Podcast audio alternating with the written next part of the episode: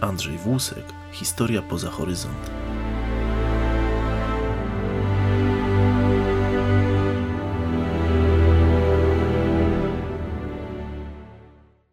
Witam serdecznie na kanale Andrzej Włusek, Historia poza horyzont. Mam dzisiaj zaszczyt gościć na moich łamach y, doktora Leszka Sykulskiego, specjalistę od geopolityki. Witaj Leszku. Witam Cię Andrzeju, witam Państwa serdecznie. Porozmawiamy dzisiaj o geopolityce. Świat dzisiaj przyspiesza mm, dość znacznie. Wychodzimy z pewnej takiej pauzy, pauzy takiego, e, można powiedzieć, jak to mówi Fukuyama, końca historii, które było oczywiście dosyć zabawne dzisiejszego punktu widzenia. Polska jest dzisiaj w dosyć trudnej sytuacji. Jak, okreś, jak, że jak oceniasz może w, mm, z punktu widzenia też również historyka, bo tym historykiem również jesteś, położenie geopolityczne Polski kiedyś, y, moglibyśmy się na przykład odwołać do tej drugiej Rzeczypospolitej i dzisiaj?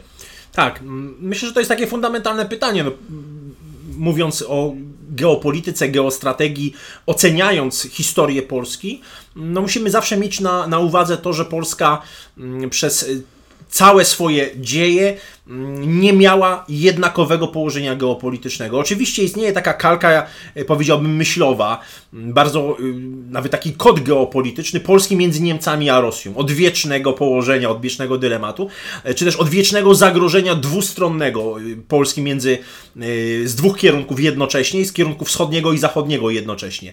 No ale to jest, to jest oczywiście pewna kalka, która jest błędna. To jest błędna. W literaturze geopolitycznej jest sporo omówień na ten temat i myślę, że tutaj każdy, kto interesuje się geopolityką, wie doskonale, że Polska jednocześnie z dwóch kierunków w całych swoich dziejach ponad tysiącletnich była zagrożona no, tylko albo aż czterokrotnie. Tylko albo aż czterokrotnie, z tego, z czego jednocześnie z kierunku wschód-zachód tylko albo aż dwukrotnie. E, dwukrotnie na osi północ-południe, dwukrotnie na osi wschód-zachód. Pierwszy raz Polska jednocześnie z dwóch kierunków geograficznych była zagrożona w wieku XIV e, i to jest było zagrożenie ze strony od północy zakonu krzyżackiego, od południa od, ze strony Luksemburgów. E, warto zresztą wspomnieć, że Autorem pierwszego planu rozbioru Polski był e, książę Władysław Opolczyk, fundator Jasnej Góry, e, tak na marginesie, mający swoją, e, swoją ulicę zresztą w Częstochowie po dziś dzień.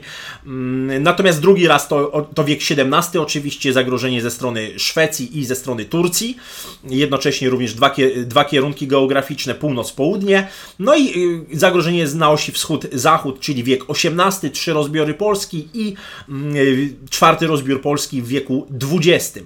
Natomiast to położenie mm, geostrategiczne Polski się zmieniało, tak jak ewoluowało zresztą terytorium y, państwa polskiego. Jeśli spojrzymy na terytorium pierwszych piastów, no to ono różniło się w sposób znaczący od chociażby państwa Kazimierza Wielkiego, no nie mówiąc już o mm, okresie po 1569 roku po Unii e, Litewskiej. Również jeżeli spojrzymy na drugą Rzeczpospolitą i porównamy jej granice z trzecią Rzeczpospolitą, no to zobaczymy, że doszło do diametral, diametralnej różnicy, do diametralnej zmiany, jeśli chodzi o położenie geostrategiczne. I myślę, że właśnie y, ten czynnik, taki powiedziałbym y, porównawczy, jest bardzo ciekawy pod tym kątem, ponieważ wielu polskich decydentów, nawet wielu polskich intelektualistów, bardzo często tak machinalnie przenosi y, położenie II Rzeczpospolitej, położenie geostrategiczne do położenia dzisiejszego. Podczas gdy przecież II Rzeczpospolita większością swojego terytorium leżała na nizinie wschodnioeuropejskiej, a trzecia Rzeczpospolita w 9, ponad 99%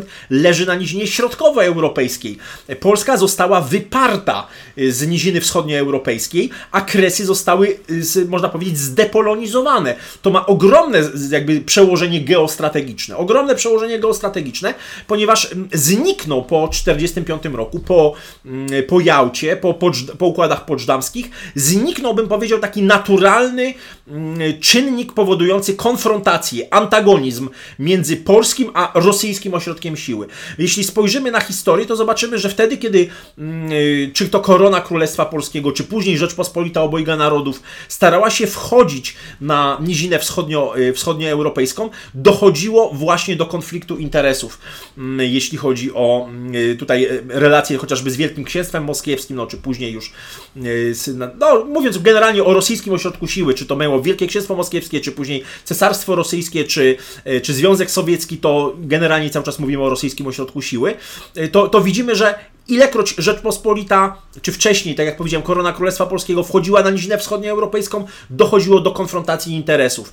Jeśli spojrzymy na skutki na przykład powstania styczniowego i ym, tak naprawdę depolonizację ziem zabranych, tak zwanych ziem zabranych, czyli tych ziem y, zaboru rosyjskiego, które nie weszły po kongresie wiedeńskim w skład Królestwa Polskiego, no to zobaczymy, że one rzeczywiście, ta depolonizacja ziem zabranych po powstaniu styczniowym była destrukcyjna. Destrukcyjna pod kątem y, także później walki o, o odzyskanie mm, y, niepodległości i w, i w kontekście jakby polityki federacyjnej, czy tej koncepcji federacyjnej marszałka Józefa Piłsudskiego. Mm, myślę, że to był jeden z tych czynników, który spowodował niepowodzenie tego, y, tego, wielkiego, tego wielkiego planu marszałka Piłsudskiego. No a jeśli spojrzymy na obecną sytuację etniczną, demograficzną na wschód od Bugu, no to zobaczymy, że tak naprawdę Kresy zostały zdepolonizowane i co oczywiście z punktu widzenia pewnego sentymentu historycznego e, możemy traktować jako no, szkoda, że tak się stało, możemy tak powiedzieć, no ale z drugiej strony zniknął ten czynnik antagonizujący, konfrontacyjny, jeśli chodzi o starcie z rosyjskim ośrodkiem siły, podobnie jeżeli chodzi o nizinę wschodnioeuropejską. No dziś Polska nie ma, e, tutaj powiedzielibyśmy, żadnych e, utarczek granicznych, nie ma żadnych sporów terytorialnych, sporów granicznych między Rzeczpospolitą a Federacją Rosyjską. Leszku, wracając tutaj do y, naszego położenia geopolitycznego, ale tak od, troszeczkę od, y, odwołując się do tej historii, jak byś porównał, może nie samo położenie geopolityczne, bo tutaj wchodzi nam geografia, ale takie położenie polityczne III Rzeczypospolitej dzisiaj, a II Rzeczypospolitej po 1935 roku? Czy nie nasuwają ci się jakieś pewne analogie pewne mm, porównania, które tak naprawdę, no, historia jest nauczycielką życia, tak? Wiemy i no, dzisiaj chciałem właśnie usłyszeć od Ciebie to, ale ja tak wnioskuję z tego i tak widzę, no bo też potrafię, pewne, każdy z nas potrafi pewne rzeczy zaobserwować, tak jakbyśmy się nie nauczyli z tej historii i ta historia miałaby się powtarzać. Jak Ty to widzisz? Jak wiemy, y, historia jest nauczycielką życia, jak, jak powiedziałeś, historia magistra vitae, vitae est. Natomiast no, pewne mechanizmy historyczne się powtarzają. Znaczy historia w stosunku 1 do 1 się nie powtarza. No, tak, jakby tak, tak. Ta sama bitwa pod Grunwaldem z 15 lipca 1410 roku już się więcej w historii nie powtórzy. Choćby była jakakolwiek jeszcze bitwa pod, mm, pod Grunwaldem, to, to tamtej już drugi raz nie będzie. Stąd historia, no, można powiedzieć, że nie jest nauką empiryczną w znaczeniu takim, jaką, jak definiują je współczesne nauki społeczne, nie, ale niewątpliwie studiując wnikliwie historię, studiując przede wszystkim nie tyle daty, prawda, co, mm, co pewne mechanizmy przyczynowo-skutkowe, staramy się uchwycić pewne procesy, pewne mechanizmy. I rzeczywiście mechanizmy historyczne, mechanizmy polityczne, gospodarcze, które obserwowaliśmy y, w różnych epokach historycznych, w wielu elementach się powtarzają. W wielu elementach się powtarzają. I teraz jakby nawiązując do tego, co, co powiedziałeś, do Twojego pytania, po 1935 roku, po śmierci rozumiem marszałka Piłsudskiego, tak. po, po tym późniejszym już y, stworzeniu ozonu i, i, i, można powiedzieć po tej buławizacji, jak, jak mówili Piłsudczycy, marszałka Śmigłego Rydza. No, ja myślę, że przede wszystkim widać, widać było wtedy yy, zacieśniające, się, zacieśniające się relacje niemiecko, yy, niemiecko-sowieckie. I zresztą dzisiaj również widzimy, że od można powiedzieć, ponad dekady mamy do czynienia z, moim zdaniem, strategicznym y, sojuszem y, niemiecko-rosyjskim, czego najlepszym przykładem jest Nord Stream 1 i Nord Stream 2 widzimy doskonale także pewien mechanizm, który obserwowaliśmy przed wojną, czyli to, że mocarstwa morskie, czy dominujące mocarstwo morskie wcale nie jest takie skore do wspierania, mm, do, do wspierania potencjalnych sojuszników na kontynencie. Mieliśmy sojusz e, z Wielką Brytanią, ale Wielka Brytania wcale nie była taka jako, jako mocarstwo globalne, jako taki powiedzielibyśmy dzisiaj gwarant dóbr publicznych, wcale nie była taka skora do e, udzielania bezpośredniego wsparcia e, Rzeczypospolitej, mimo iż obowiązywał ją, ją przecież traktat z, z, z Polską, y, układ, prawda, y, związany o y, układ obronny. Natomiast jeżeli chodzi o współczesne czasy, no widzimy również, że Polska ma gwarancję bezpieczeństwa ze strony Stanów Zjednoczonych, chociażby w ramach Sojuszu Północnoatlantyckiego artykuł 5, no ale widzimy z drugiej strony chociażby tę deklarację waszyngtońską z 15 lipca 2021 roku, czyli całkiem świeżą, gdzie mamy do czynienia tak naprawdę ze strategicznym partnerstwem klimatyczno-energetycznym amerykańsko-niemieckim, a jeszcze wcześniej, 19 maja też 2021 roku, Departament Stanu Stanów Zjednoczonych y, zniósł sankcje na Nord Stream 2 AG, czyli spółkę budującą gazociąg pod dnie Bałtyku, ten drugi Nord Stream 2 y, i na Matiasa Warniga, prezesa tej spółki, no to widzimy, że Stany Zjednoczone dają zielone światło polityce niemieckiej, a ta polityka niemiecka od pierwszej dekady XXI wieku jest bardzo, ale to bardzo silnie nakierowana na strategiczny sojusz e, przecież z Federacją Rosyjską. Spójrzmy na, e, na pierwszą, właśnie pierwszą dekadę, kiedy ogłoszono chęć budowy gazociągu Nord Stream. Przecież Amerykanie mogli wówczas wprowadzić sankcje, mogli starać się nie, nie dopuścić do wybudowania tych dwóch nitek Nord Stream 1, ale mieliśmy sytuację, w której mm, prezydent Barack Obama 17 września w pamiętną dla Polaków rocznicę 2009 roku ogłosił reset z Rosją.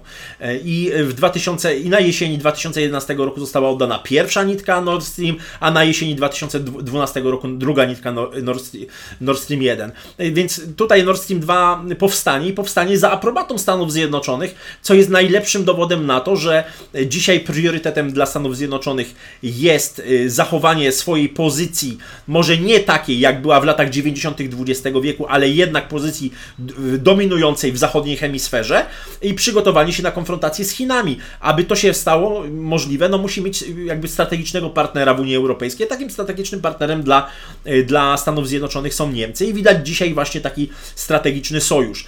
Ja uważam, że to, co możemy wyciągnąć, y, czy te wnioski, które możemy wyciągnąć mm, studiując historię, to na pewno to, że powinniśmy przede wszystkim budować własną siłę. Własną siłę i nie wierzyć w gwarancje sojusznicze, a także umieć lawirować między Niemcami a Rosją, a tragicznym wprost sytuacją jest to, kiedy mamy złe, napięte, bądź po prostu zerwane nawet relacje i z Niemcami, i z Rosją jednocześnie. To jest to, czego absolutnie powinniśmy y, unikać. Znamy doskonale tę sytuację i z XVIII wieku, i znamy te mechanizmy z, z pierwszej połowy XX wieku, i to jest sytuacja absolutnie tragiczna.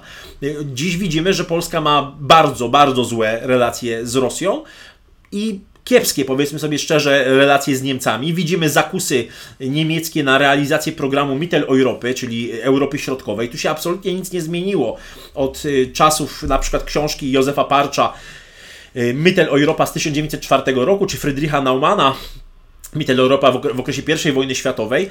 Yy, ta koncepcja niemiecka oczywiście ewoluowała, jeśli chodzi o granice, jeśli chodzi o akcenty rozkładane, o środki realizacji, ale sama idea stworzenia Grossraumwirtschaft, czyli gospodarki wielkiego obszaru yy, i stworzenia na obszarze Europy Środkowej, czyli tak umownie mówiąc w zlewiskach Bałtyku, Adriatyku i Morza Czarnego, obszar ABC możemy tak umownie powiedzieć, takiego obszaru, który byłby yy, montownią dla przemysłu niemieckiego, mówiąc językiem współczesnym, byłby podwykonawcą dla przemysłu e, niemieckiego, byłby rezerwuarem taniej siły roboczej, surowców, e, właśnie produ, pro, tak, takimi półperyferiami, które produkują co mniej skomplikowane elementy potrzebne dla przemysłu niemieckiego, jest cały czas żywa, tylko zmieniają się oczywiście narzędzia i metody podporządkowywania sobie tych, tych, tych, tych państw, tego obszaru.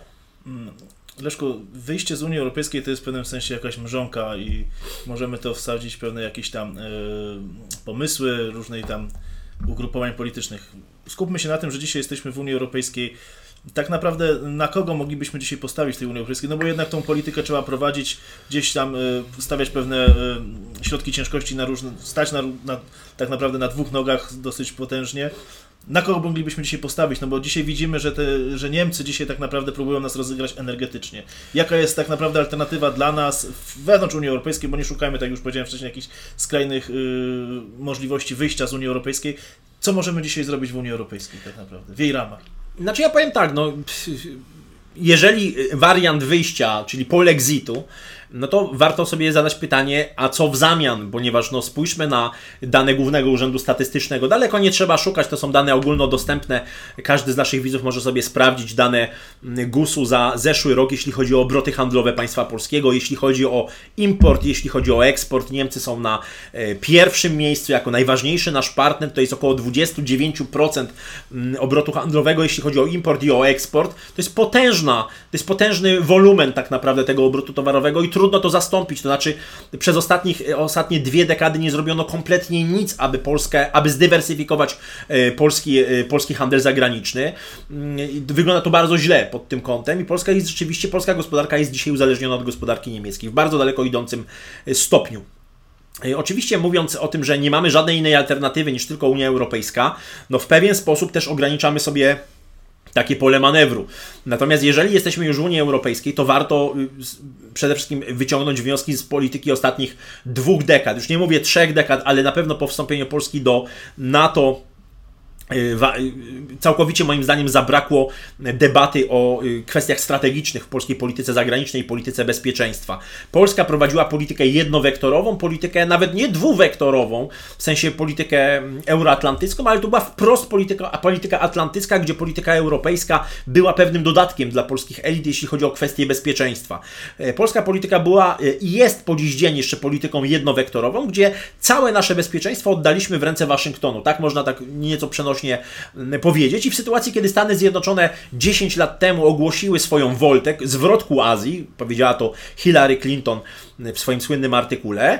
Często bywa to nazywane tak zwanym pivotem na Pacyfik, pewnym zwrotem właśnie na Pacyfik, skoncentrowaniem się tam, no, co jest oczywiście skutkiem tego wielkiego kryzysu z lat 2008-2009 i oczywiście także pewnych zmian obiektywnych na świecie, rosnącą potęgą Chin, y, udanymi reformami Deng Xiaopinga, przystąpieniem Chin do Światowej Organizacji Handlu, gdzie to Chiny stały się, można powiedzieć, głównym beneficjentem tego modelu globalizacji, który dzisiaj do niedawna jeszcze obserwowaliśmy, no bo powiedzmy, że te wszystkie lockdowny związane z ogłoszoną przez Światową Organizację Zdrowia pandemią COVID-19 nieco zmieniły jakby te, te, te globalizacje, czy, jakby już pewne widać procesy i deglobalizacji i, i, i pewnych nowych form globalizacji, reshoringu i, i, i można powiedzieć takiego mm, powrotu, y, jeżeli chodzi o przemysł do, do, do krajów macierzystych, ewentualnie nearshoringu, czyli przybliżania tych zakładów przemysłowych, a nie tak jak kiedyś, że wszystko y, offshorowało się, tak, że, że przemysł był offshorowany tam, gdzie była tania siła robocza ale jakby to jest jakby osobna sprawa,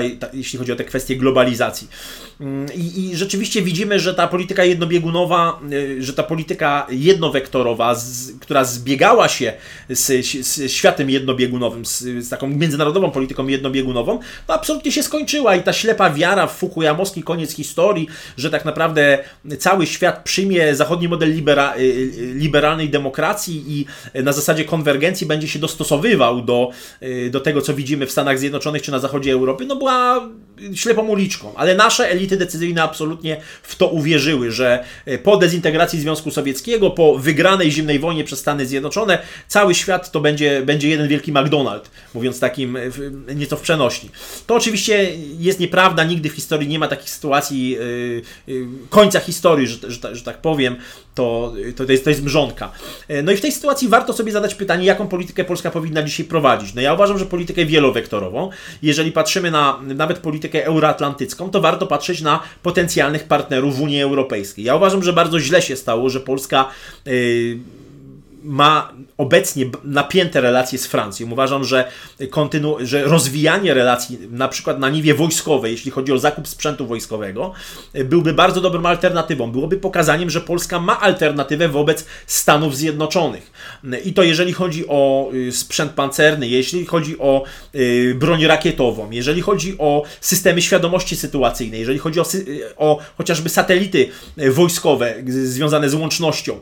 Wiemy doskonale, że Francja jest europejską potęgą y, wojskową, jest niezależna absolutnie od Stanów Zjednoczonych, zupełnie inaczej niż Wielka Brytania, jeśli chodzi o wynoszenie y, satelitów, czy może inaczej, jeżeli chodzi o rakiety, w ogóle systemy rakietowe, Y, ma, ma, i swoje głowice jądrowe i środki przenoszenia. Jest w stanie z Gujany Francuskiej wystrzeliwać y, z kosmodromu w Gujanie Francuskiej y, satelity, wynosić na orbitę okołoziemską.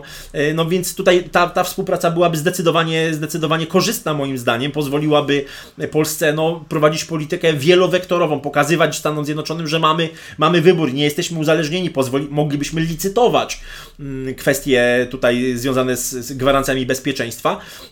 Druga sprawa to jest kwestia kwestia energetyki. No wiemy doskonale, że Francja jest jedynym liczącym się graczem w Unii Europejskiej, który jest w stanie równoważyć wpływy Niemiec. Jeżeli jesteśmy między Niemcami a Rosją, a może inaczej, jeżeli jesteśmy między Niemcami a państwami oddzielającymi Polskę od, od, od Rosji, y, tej głównej, kontynentalnej, no bo oczywiście nie tak, tak. liczymy tutaj o eksklawy kaliningradzkiej, jako takiego, no bo jednak jest duża różnica, kiedy, kiedy Polska graniczyłaby na całej długości granicy, granicy wschodniej z rosyjskim ośrodkiem siła, gdzie tylko graniczymy na, na nieco ponad 200 kilometrach z obwodem kaliningradzkim, to jednak widzimy, że takie balansowanie jest bardzo korzystne.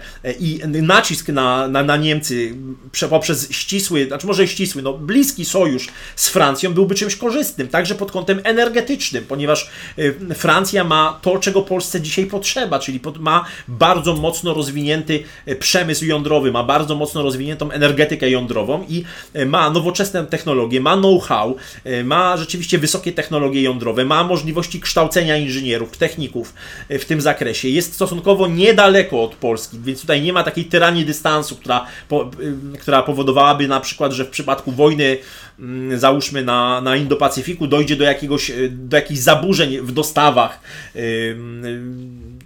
materiałów, czy, czy możliwości kształcenia kadry itd., tak itd. Tak w związku z tym uważam, że zacieśnianie relacji z Francją, jako jednym oczywiście z, z partnerów, ale takich strategicznych, byłoby bardzo korzystne i uważam, że ostatnie dwie dekady zostały absolutnie przespane pod tym kątem. Mówimy tutaj jeszcze o szukaniu partnerów w Unii Europejskiej. Tak jak chciałem, porównałem wcześniej oczywiście tą trzecią Rzeczpospolitą do drugiej, te egzotyczne sojusze. W pewnym sensie dzisiaj możemy mówić, że ten sojusz ze Stanami Zjednoczonymi też w pewnym sensie jest jakimś egzotycznym sojuszem. Ale jest takie, znów powiedzieć, w kontrze dzisiaj do Stanów Zjednoczonych, niektórzy mówią, że powinniśmy zawrzeć jakieś, nie wiem, współdziałanie, porozumienie z Chinami, żeby postawić na Chiny. Czy to też nie jest kolejny egzotyczny sojusz?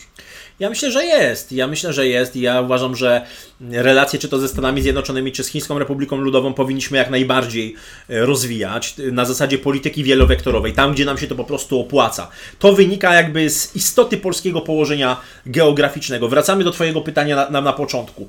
E, dzisiaj mamy, moim zdaniem, może nie idealne granice, może nie idealny kształt granic, może nie idealny jest to e, zasięg terytorialny państwa polskiego, ale moim zdaniem na dziś jest to absolutnie kształt optymalny. Optymalny także pod kątem y, pewnej homogeniczności etnicznej i konfesyjnej na terytorium państwa polskiego, która jest czymś no, od dawna nieznanym w historii, w historii Polski i wiemy doskonale, jakie to zróżnicowanie etniczne, religijne wywoływało problemy, chociażby w II Rzeczpospolitej. Nawet w pierwszej. No, tak, oczywiście, że tak.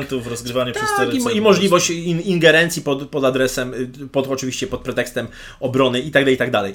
Natomiast dziś niewątpliwie Polska leżąc na nizinie wschodnio, y, na nizinie środkowoeuropejskiej, nie wschodnioeuropejskiej, ale na nizinie środkowoeuropejskiej jest absolutnym zwornikiem gospodarczym tej części y, kontynentu eurazjatyckiego, czyli najważniejszego kontynentu w dziejach, najludniejszego, najzasobniejszego, najbardziej najbardziej technologicznie zaawansowanego, gdzie toczyły się najważniejsze procesy hi historyczne.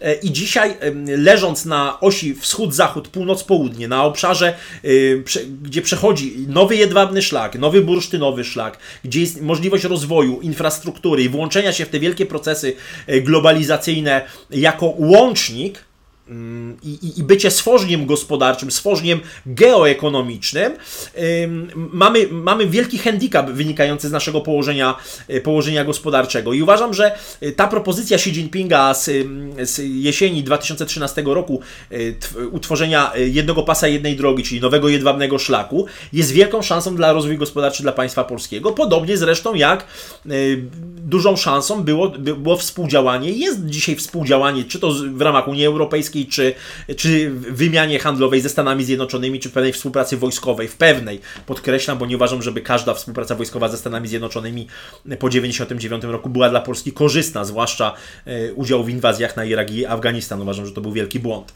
Natomiast mm, jeżeli chodzi o Chiny, uważam, że to, jest, to, to byłby dzisiaj sojusz egzotyczny. Sojusz egzotyczny to taki, w którym e, mamy, do, mamy tak naprawdę iluzoryczną obecność danego sojusznika na naszym, na naszym terytorium, czy też może inaczej, iluzoryczną zdolność do projekcji siły. Bo to, że oczywiście są bazy logistyczne, że jest pewna infrastruktura pod kątem logistycznym, pod kątem dowodzenia, y, to jakby jest osobna sprawa, natomiast mówimy o realnym, realnej zdolności projekcji siły na wypadek pełnoskalowego konfliktu. Pełnoskalowego konfliktu.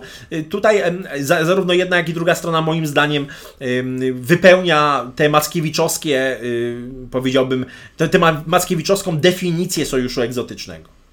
Rozumiem. Tutaj troszeczkę też odpowiedziałeś na to moje kolejne pytanie.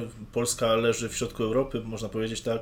jest tym zwornikiem i tutaj jest to zawsze pytanie, mm, czy położenie Polski jest błogosławieństwem, błogosławieństwem czy przekleństwem. Wiem, że y, hołdujesz idei Wakara, która Tak, też mi tak. jest bliska. Jak byś to widział? Jak to postrzegasz nasze położenie? Myślę, że zawsze robiąc analizę geopolityczną, mm, warto sobie zrobić analizę SWOT, czyli taką analizę, w której wymieniamy mm, mocne strony danej sytuacji, danego zagadnienia, słabe, słabe oczywiście szanse i zagrożenia. I y, oczywiście w, w, tym dzisiaj, robiąc analizę SWOT dla bezpieczeństwa państwa polskiego, moglibyśmy spokojnie mm, wypunktować y, kilka bardzo mocnych stron państwa polskiego, mm, związanych chociażby z rozwojem gospodarczym, z rozwojem infrastruktury itd., itd., ale też y, całkiem sporo słabych stron, począwszy od słabości służb specjalnych, słabości sił zbrojnych związanych z brakiem obrony powietrznej itd., itd. Y, No i oczywiście szanse i zagrożenia. No szansą niewątpliwie jest położenie geograficzne, które y, może być, może być szansą, ponieważ no jest na y, w skrzyżowaniu dróg absolutnie kluczowych w tej części Eurazji, no ale może być też zagrożeniem, jeżeli będzie błędna polityka zagraniczna realizowana, będzie skłócanie się ze sąsiadami, będzie e, polityka, wszyscy sąsiedzi to potencjalni wrogowie, mówiąc tak bardzo kolokwialnie, no to rzeczywiście może to być przekleństwem, ponieważ mamy silnych sąsiadów i nie myślę tylko o Rosji czy o Niemczech, mamy także Białoruś, mamy także Ukrainę, to są państwa, które są y, również, mają swoje bardzo istotny potencjał, nie tylko, y, nie tylko militarny. Myślę, że Czesi nam ostatnio pokazali, jeśli chodzi o spór kopa- o kopalnie w Turowie, że są bardzo poważnym graczem, jeśli chodzi o Unię Europejską, że są w stanie nam zaszkodzić, gdy, jeżeli tego chcą i to bardzo dobrze widać. Samo uderzenie w kopalnię Turów i powiązaną z nim elektrownię Turów to jest uderzenie w bezpieczeństwo energetyczne państwa y, polskiego i tutaj też widać słabość polskiej dyplomacji, jak to się dzieje, że przez ponad rok nie było ambasadora w Pradze, który mógłby interweniować i tak dalej, i tak dalej, więc ja uważam, że y, geografia absolutnie nie determinuje historii. Jestem absolutnym przeciwnikiem i determinizmu historycznego, i determinizmu geograficznego. Uważam, że y, obydwie te teorie, czy te doktryny, nawet takie byśmy powiedzieli, quasi-naukowe, y, są już dawno na śmietniku historii, w XIX wieku zostały y, pogrzebane. Mm, Zresztą w geopolityce od y, lat 20. XX wieku dominuje mm, taka, takie podejście, które jest nazywane posibilizmem, czyli, takim, czyli takie podejście, które przede wszystkim preferuje tutaj czynnik ludzki, kapitał ludzki byśmy powiedzieli, czy tą, tę zdolność do podporządkowywania sobie przestrzeni przez człowieka, czyli takie podejście, w którym y, przestrzeń jest daje szanse i zagrożenia, ale niczego nie determinuje. I to podejście jest dla mnie ba- bardzo bliskie. Cała sz- szkoła Paula Vidala de la Blasza, mm, szkoła, szkoła francuskiej geopolityki jest mi bardzo bliska. Y, Stąd uważam, że położenie geograficzne może dawać szanse i może dawać zagrożenia. Od kapitału ludzkiego, od jakości elit, od kultury strategicznej i poziomu zależy, czy będzie wykorzystana dobrze czy źle. Czyli tu mamy tę tranzytowość Polski, gdzie możemy na niej, zyskać te szlaki północ-południe, e, wschód-zachód. I tutaj się nasuwa pewne takie pytanie e, i tak naprawdę e, zawsze mnie męczy, czy może nie męczy, ale zastanawia mnie Via Carpatia. Via Carpatia, która łączy nas z południową, z południową Europą, ale ona tak naprawdę jest ogromnym zagrożeniem dla Gdańska, ponieważ będzie szła na Litwę, tak? Będzie omijała tą, według założeń oczywiście, czy to nie jest zagrożenie dla gospodarki polskiej, czy czemu nie będziemy, czemu nie możemy tej Via Carpatii zogniskować w Gdańsku i wykorzystać naszego położenia, tym bardziej, że Gdańsk dzisiaj jest chyba bodajże pierwszym albo drugim portem bałtyckim. I cały czas, roz, zresztą w ostatnich y, doniesieniach też było tam, słyszałem, czytałem, że jest 2 miliardy przeznaczone na rozbudowę portu w Gdańsku, który jest naprawdę potężną możliwością, potężną bazą, no i ma ogromne perspektywy. Tak, no ma ogromne perspektywy. Weźmy pod uwagę perspektywę budowy terminala pływającego LNG w Zatoce Gdańskiej. Ja uważam, że to jest zaniedbanie polskiej dyplomacji, zaniedbanie lobbingu, ale y, jeszcze większym zaniedbaniem jest to, że Polska przespała mówiąc takim językiem potocznym, y, okres, kiedy mogła być y, takim oknem na świat dla Białorusi, kiedy rzeczywiście, y, można powiedzieć, przys- przysłowiowo Rosja zakręciła kurek i Białoruś poszukiwała takiego portu, który byłby oknem na świat y, i nie byłaby to, nie byłby to żaden po- port litewski, tylko mógłby to być spokojnie po- port gdański, który mógłby służyć za, y, za takie, właśnie za taką bramę dla, dla produktów chociażby naftowych białoruskich. Strona polska się na to nie zgodziła z przyczyn czysto, czysto czysto politycznych, czy też czysto ideologicznych, tak można powiedzieć. Natomiast sama Via Carpatia uważam, że jest, że jest korzystna dla państwa polskiego. Uważam, że jakby budowa nowego bursztynowego szlaku, bo o tym mówimy, to jest jeden z tych, z tych elementów, jest jak najbardziej korzystna dla, dla państwa polskiego. Oczywiście w sensie transportowym można byłoby to inaczej zaprojektować. Myślę, że w duchu raczej profesora świętej pamięci, już nieżyjącego Andrzeja Pisko-Zuba, z wielką obwodnicą w centrum państwa polskiego i licznymi hubami wokół tej obwodnicy zgromadzonymi, tak, gdzie, aby promieniście się y, autostrady rozchodziły, a nie tylko na zasadzie takiej, powiedzielibyśmy, y, przejściowości terytorium państwa polskiego y, przechodziły.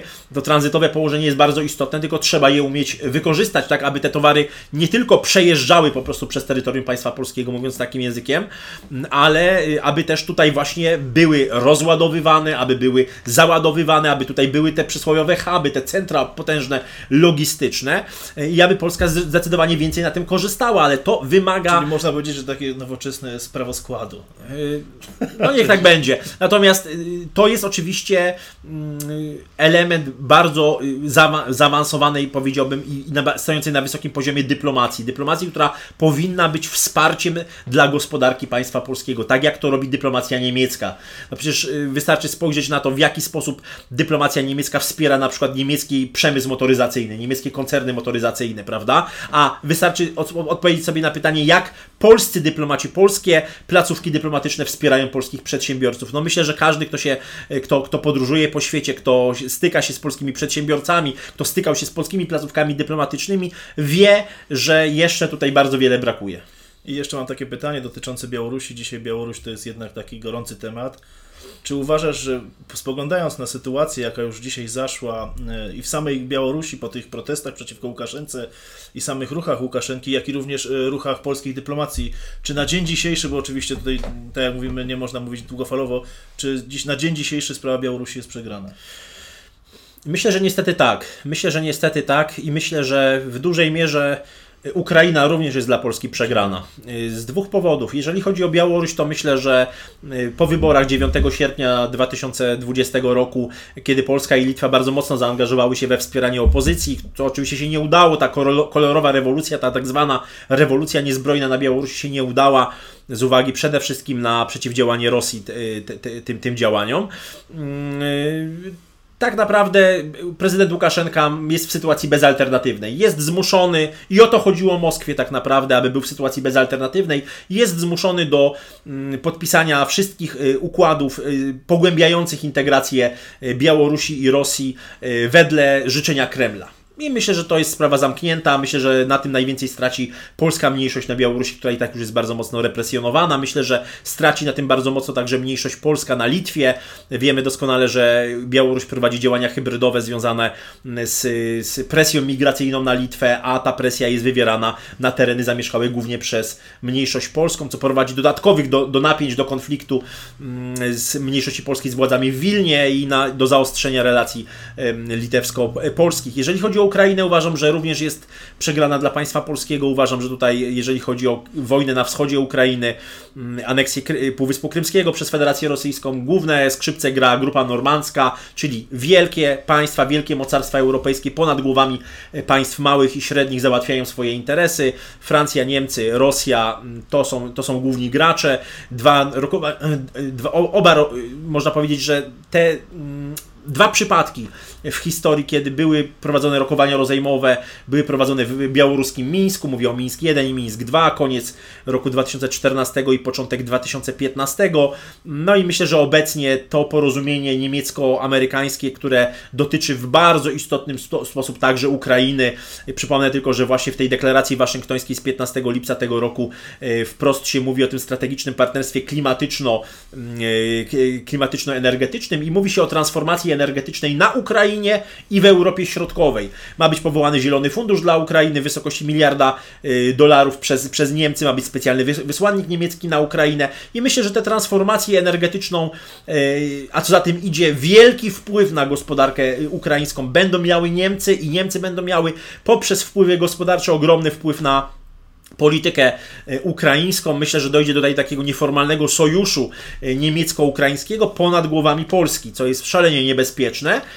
I myślę, że dojdzie także do próby podporządkowania gospodarki polskiej gospodarce niemieckiej w myśl doktryny Mittel-Europy, ale już nie czołgami, nie środkami takimi powiedzielibyśmy militarnymi, ale środkami energetycznymi, cała Energiewende, cała transformacja energetyczna niemiecka jest przecież oparta na, dekor, na, na, dekarbonizacji, czyli na odejściu od węgla, na odejściu od energetyki jądrowej i na wspieraniu OZE, odnawialnych źródeł energii. Ale wiemy doskonale, że te OZE wymagają ogromnego kapitału, bardzo wysokich technologii, to mają Niemcy, Polsce będzie to bardzo trudno implementować bez e, udziału Niemiec, bez transferu technologii, bez transferu kapitału.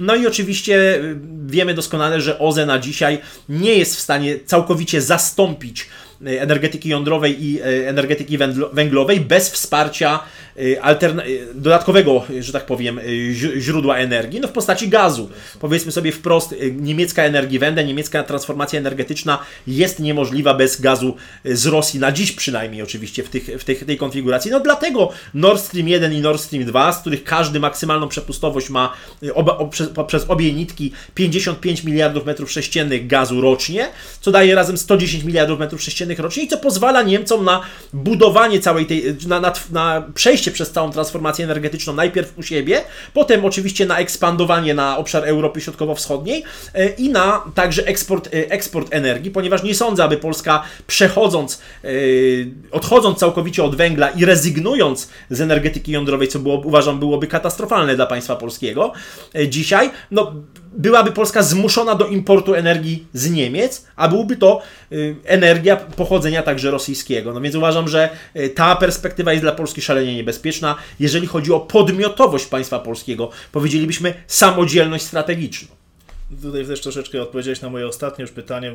Polska zawsze leży między dwoma wielkimi sąsiadami, w sumie od, od stuleci. Mamy tutaj potężne Niemcy i potężną Rosję w dzisiejszym znaczeniu, oczywiście nie militarnym, który z tych państw jest większym zagrożeniem. Mówię tutaj o gospodarce i tak naprawdę, tak jak powiedziałeś przed chwileczką, tej strategicznej możliwości Polski. Ja bym Twoje, Andrzej, pytanie rozszerzył. Które państwo jest większym zagrożeniem cywilizacyjnym? Które państwo, bo to jest w ogóle fundament y, jakby rozważań, uważam, takich historiozoficznych, e, ale w ogóle geopolitycznych, y, jeżeli chodzi nie tylko o Polskę.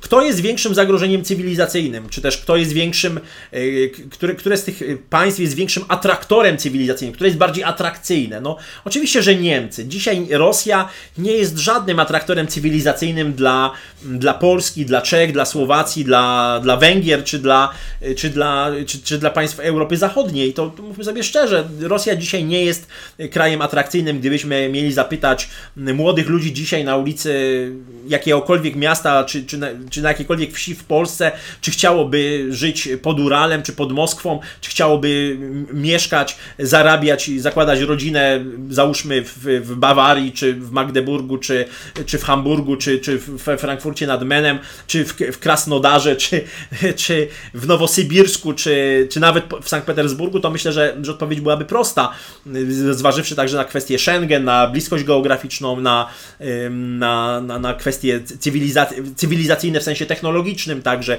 jakość życia i tak dalej, i tak dalej. Pewne także matryce y, takie kulturowe. No myślę, że to ma, dzisiaj nie, Niemcy są o wiele atrakcyjniejsi, atrakcyjniejsi pod tym kątem cywilizacyjnym. Stąd są w stanie nas zdominować, jeżeli chodzi o, mm, powiedziałbym, wolę polityczną. To znaczy państwem, które moim zdaniem jest o wiele większym zagrożeniem dla państwa polskiego, y, w takim sensie, że jest większym zagrożeniem dla samodzielności strategicznej Rzeczypospolitej, są Niemcy. I to jest bez, bez dwóch zdań.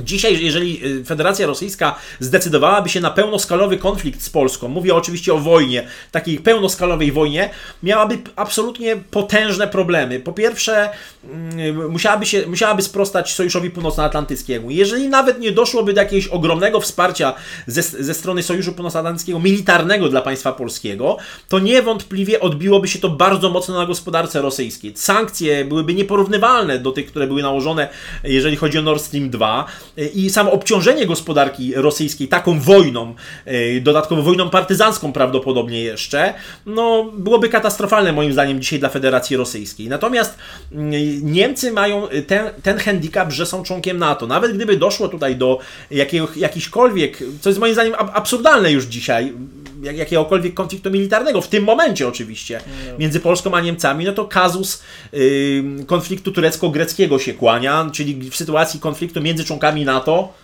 no NATO nie jest w stanie tutaj wesprzeć konkretnego, konkretnego państwa na zasadzie artykułu 5, prawda?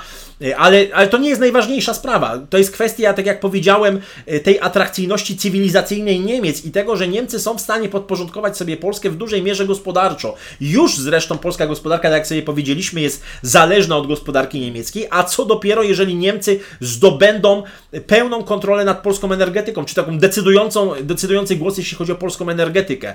E, no to jest już bardzo istotna sprawa. No i trzecia kwestia, czyli dążenie do Europy Federalnej. Wiemy doskonale, że dla Niemiec e, Unia Europejska jest wygodnym instrumentem swojej polityki zagranicznej, polityki bezpieczeństwa, ale także polityki gospodarczej.